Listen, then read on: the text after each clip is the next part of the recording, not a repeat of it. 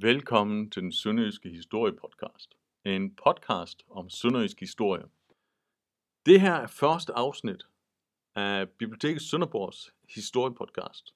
Wie gern so durch die Lüfte hin ich einmal mit Zeppelin Tralalala, tralalala, tralalala. O Zeppelin, erhör mein Bitt, nimm mich in deinem Luftschiff mit.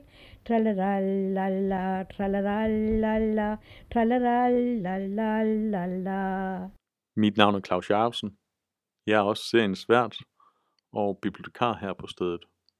Den sang, vi lige indledte det her afsnit med, øhm, blev sunget af Mine Andersen fra Grosten, optaget i 1962, øh, og er egentlig en sang, som hendes barndomslærer øh, har skrevet om, og gerne vil flyve med Zeppelin, øh, da hun voksede op ved, ved Iller i nærheden af Broager. Eftersom det her er det allerførste afsnit af podcasten, så tænker jeg, at det er en god idé at flere årsager at bruge lidt tid på at forklare, hvad meningen egentlig er med den, hvad tanken bag den er.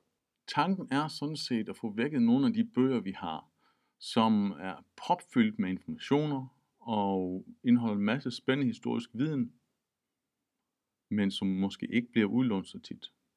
Ideen er altså, at hvis man faktisk hører nogen fortælle om en bog, så lige pludselig kan det være, at man begynder at få lyst til at låne en bog, der er lidt gammel, lidt støvet, ikke har det fineste cover, ikke sælger sig selv, når vi laver en udstilling, for der må vi nok indrømme, hvis man laver en udstilling på biblioteket, så dem, der låner flest ud, også dem, der har de flotteste billeder foran.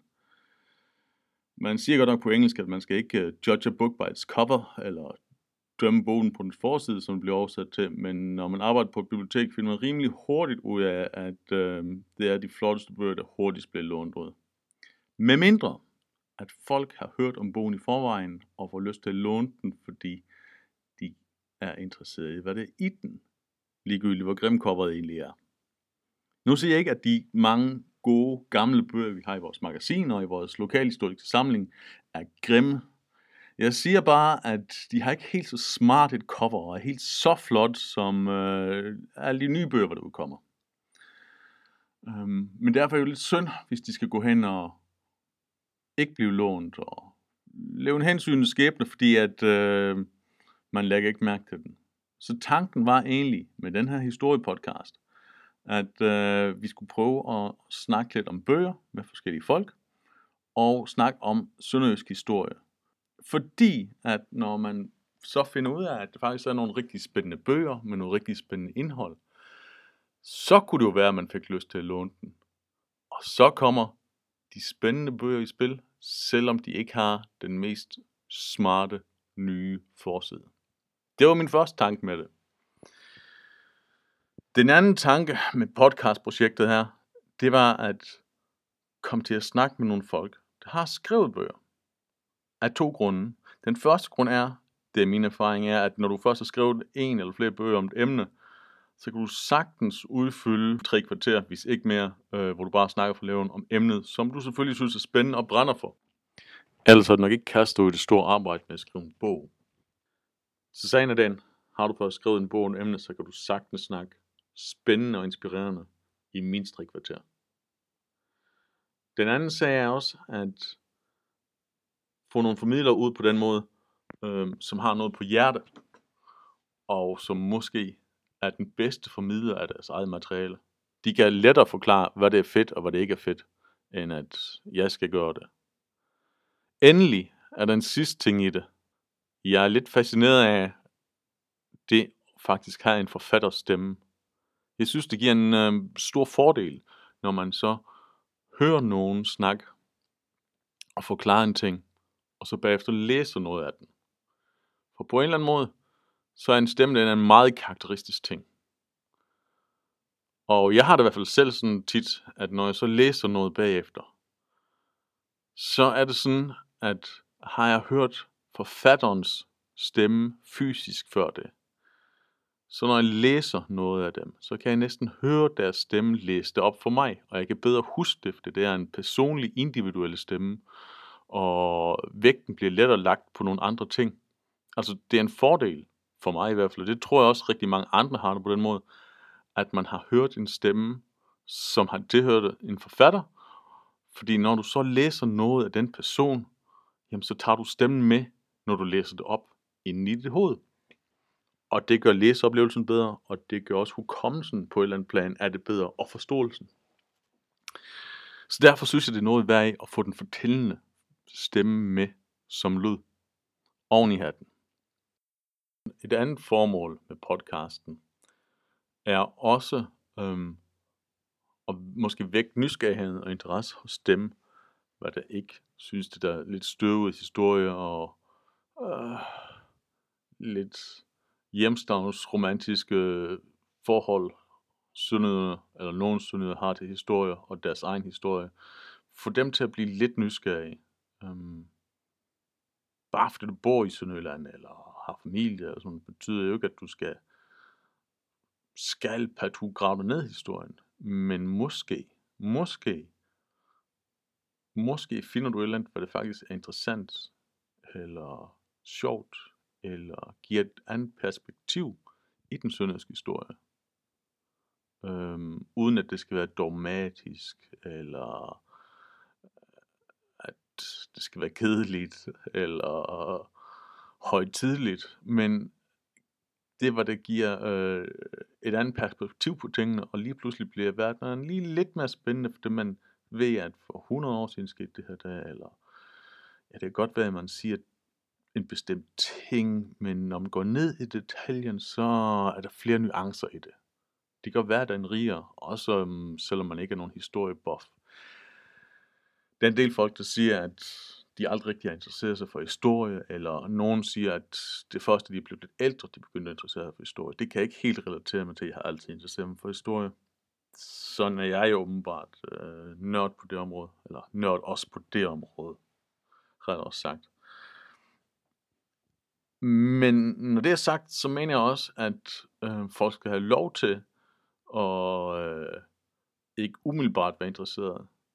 Så synes jeg bare til gengæld, at det kunne jo godt være, hvis det ikke er nogen forpligtninger og ikke nogen eksamens til sidst, og man bare bliver ledt af sted af sin egen nysgerrighed og underholdningsværdi i det, at man faktisk synes, nogle ting er lidt spændende alligevel, og øh, måske giver en anden perspektiv på tingene, uden at man skal kunne svare nøjagtigt på alting, men bare blive nysgerrig. Det er sådan set mest det, det her går ud på.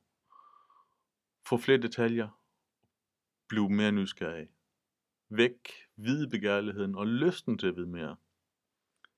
For for det meste er det jo sådan, det gælder i stort set alle de dele af sønderjysk historie, jeg kender noget til, er, at øh, forklaringen altid er mere kompliceret, end man lige gik og troede. Der er altid flere detaljer og flere nuancer, og både en for og en imod, og et eller andet midt imellem, og noget man slet ikke har tænkt på. Øhm, og det synes jeg er måske det mest spændende ved det. Detaljerne, finurlighederne, det er måske lidt uforudsigelige, og øh, det det, var det med til at sætte ting i perspektiv. Det er aldrig helt så enkelt, som man regnede med. Og det er en god ting. Vi prøver jo hver gang at anbefale mindst en bog, hvis ikke flere, når vi tager udgangspunkt i. Det her korte første introafsnit øhm, er det kun mig, der har snakket indtil videre. Men jeg vil ikke snyde for en boganbefaling. Øhm, fordi hvis vi nu forestiller os, I er derude et eller andet sted, og I tænker, okay Claus, Sønderjysk historie, måske er det lidt spændende alligevel, men også helt klart uoverskueligt. Hvordan kommer jeg i gang? Hvor skal jeg begynde henne? der vil jeg så sige, der er rigtig mange værker derude, specielt i sønderjysk historie. Der er også rigtig mange gode værker. Men det gode introværk, øhm, hvad er det? Der findes for eksempel et sønderjysk leksikon, som er fremragende, og stor del af det ligger også på Grænseforeningens hjemmeside. Øh, og det kan man nyde som et leksikon øh, på det bedste vis, enten i fysisk eller digitalt format, hvor man læser en artikel, og så er lige nogle detaljer, man ikke ved, hvad det betyder, og så kan man hoppe derfra videre til næste artikel, og sådan graver man sig ned i det. Det er også en god måde at, at lære noget at kende på, hvis man kender lidt til det i forvejen, men ikke helt så meget. Så har man flere steder at starte, og så dykker man ned i det på den måde. Men hvis man nu starter helt fra ingenting, hvor skal man så starte hen? Der findes nogle øh, ren introbøger. Nogle er meget gamle. Dem kan man godt prøve at, at, at hive frem. Og de er måske også lidt påvirket af deres tid.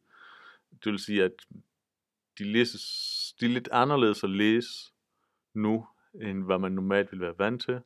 Det kan jo være et irritationsmoment, eller man kan tage det som en charme. Øhm, men det betyder nok, at for de fleste nutidige lyttere så og læsere, så er det ikke det bedste sted at starte. Så øhm, samtidig er der også et par introbøger, der øh, faktisk har, har Jørgen Buk, han har skrevet en fremragende, måske lidt barnet, men, men øh, ganske underholdende bog som en intro til sønderjysk historie, der er fyldt med anekdoter. Øh, nogen vil måske sige, at den er lige, den er beregnet til en skoleklasse eller noget stil. Den er måske lidt for banal for deres smag. Øh, og så kommer min dagens anbefaling, og jeg siger ikke, at John Books sønderjysk historie eller øh, leksikon med det sønderjyske øh, historie er dårlig, fordi de er begge to fremragende. Jeg tror bare, at den del læser, der vil øh, have rigtig godt at starte et andet sted, hvis jeg skulle komme med min egen bibliotekars anbefaling. Hvis jeg skal komme med en anbefaling til den, hvor det gerne vil have et overblik, og så også dykke lidt mere ned i Sønderlands historie, så er det bøgerne af Troels Fink. Han har skrevet en øh, gruppe af bøger, tre bøger, trebindsværk, der hedder Det Sønderland blev delt. Den udkom i, i 78-79. Og øh, så har han også skrevet, det var det kunne være en efterfølger til, eller en kommentar til, og som også ligner, som hedder Båndene bandt i to bind, som udkom i 99. Øh, posthum, tror jeg nok, lige da han døde. Og han er, var en fremragende formidler, øh, og øh, altså der i, i de bøger er der detaljer nok til, at, at den nørdede øh, øh, kan gå videre med det, og øh, det er stadigvæk formidlet godt nok til, at, at den, det vil have et overblik, også kan være med. Øh, så det kan jeg kun anbefale for alle at dykke ned i hans bøger. Generelt var Troels Fink jo en virkelig interessant øh, person, øh, og med en enorm betydning for sønderjysk historie og, og Sønderjylland. Øhm, han er født i Åbenrå som søn af, Jep Fink, arkitekten, som er nok kendt af en, en del hernede, måske også på grund af de ting, han har bygget. Men øhm, han var i sig selv øh, en stor skikkelse. Øhm, han har haft stor indvirkning på, på København Bonn-erklæringen i 1955, som har ligesom en bilateral aftale at sikret de to nationale mindretals rettigheder. Øh, han øh, var professor ved Aarhus Universitet, så det var stadigvæk forholdsvis nyt.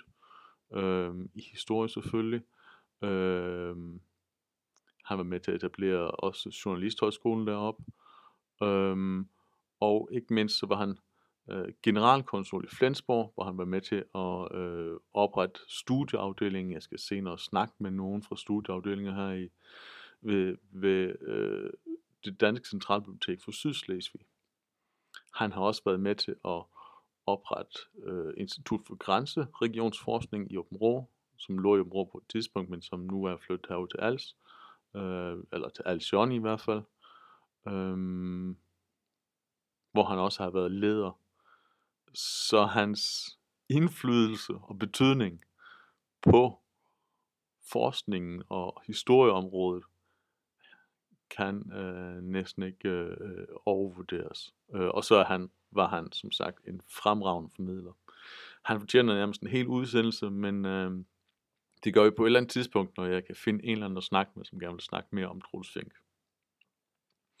indtil videre er det der, jeg vil sige, at man kunne starte med at, at hoppe ned i den sønderjyske historie, hvis man vil have mere.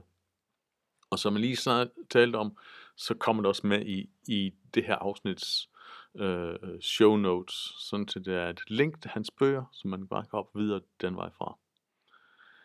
Udover det, så kan jeg jo lige afslutte med at fortælle lidt om, hvad det, hvad det kommer til at være mere indhold. Øhm,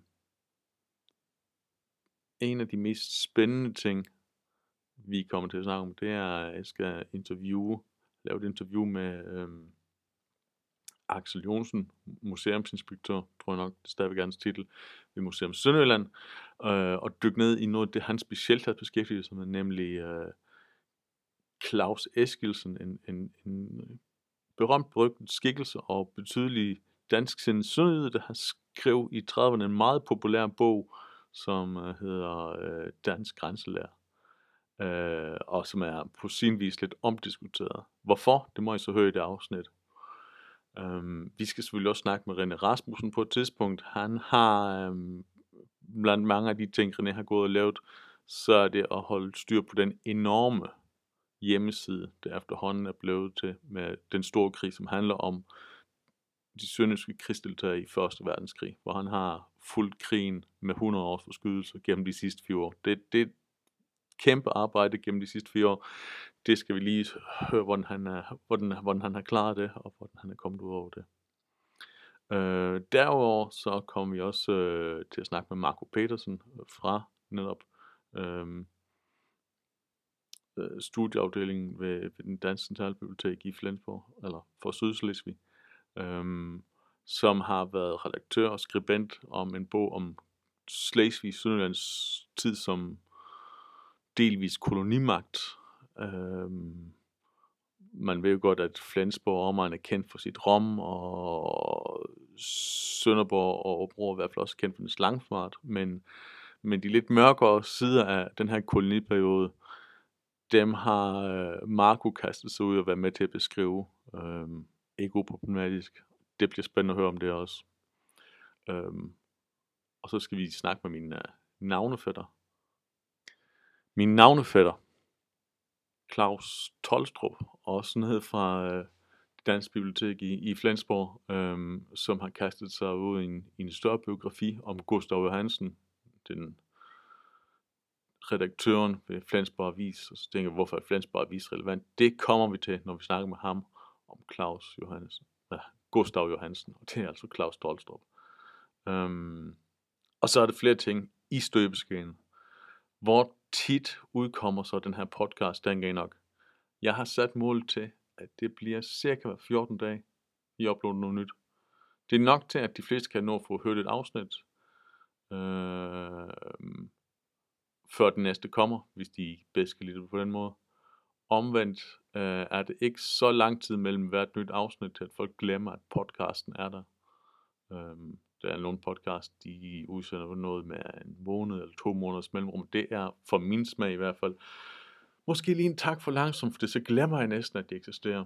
Øhm, jeg vil heller ikke bebyrde både mig selv og, og, og de potentielle lyttere i alt for meget arbejde ved at skulle komme med noget en gang i ugen.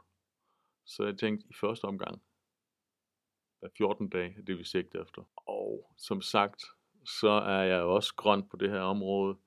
Det er min første rigtige podcast, jeg laver. Så det kan godt være, at ting ændrer sig, når jeg finder ud af, hvad det vækker og hvad det ikke vækker. En ting er i hvert fald helt sikkert. Fremover bliver det ikke bare kun mig, I kommer til at sidde og høre og snakke. Det er øh, mig og en anden person en anden spændende person. Jeg skal kun kommentere det. Men egentlig er det afslutningen på vores premiereafsnit. Vi ses i starten af februar, hvor vores andet afsnit, men det første rigtige afsnit, dukker op. Så indtil da er det godt, og moin moin.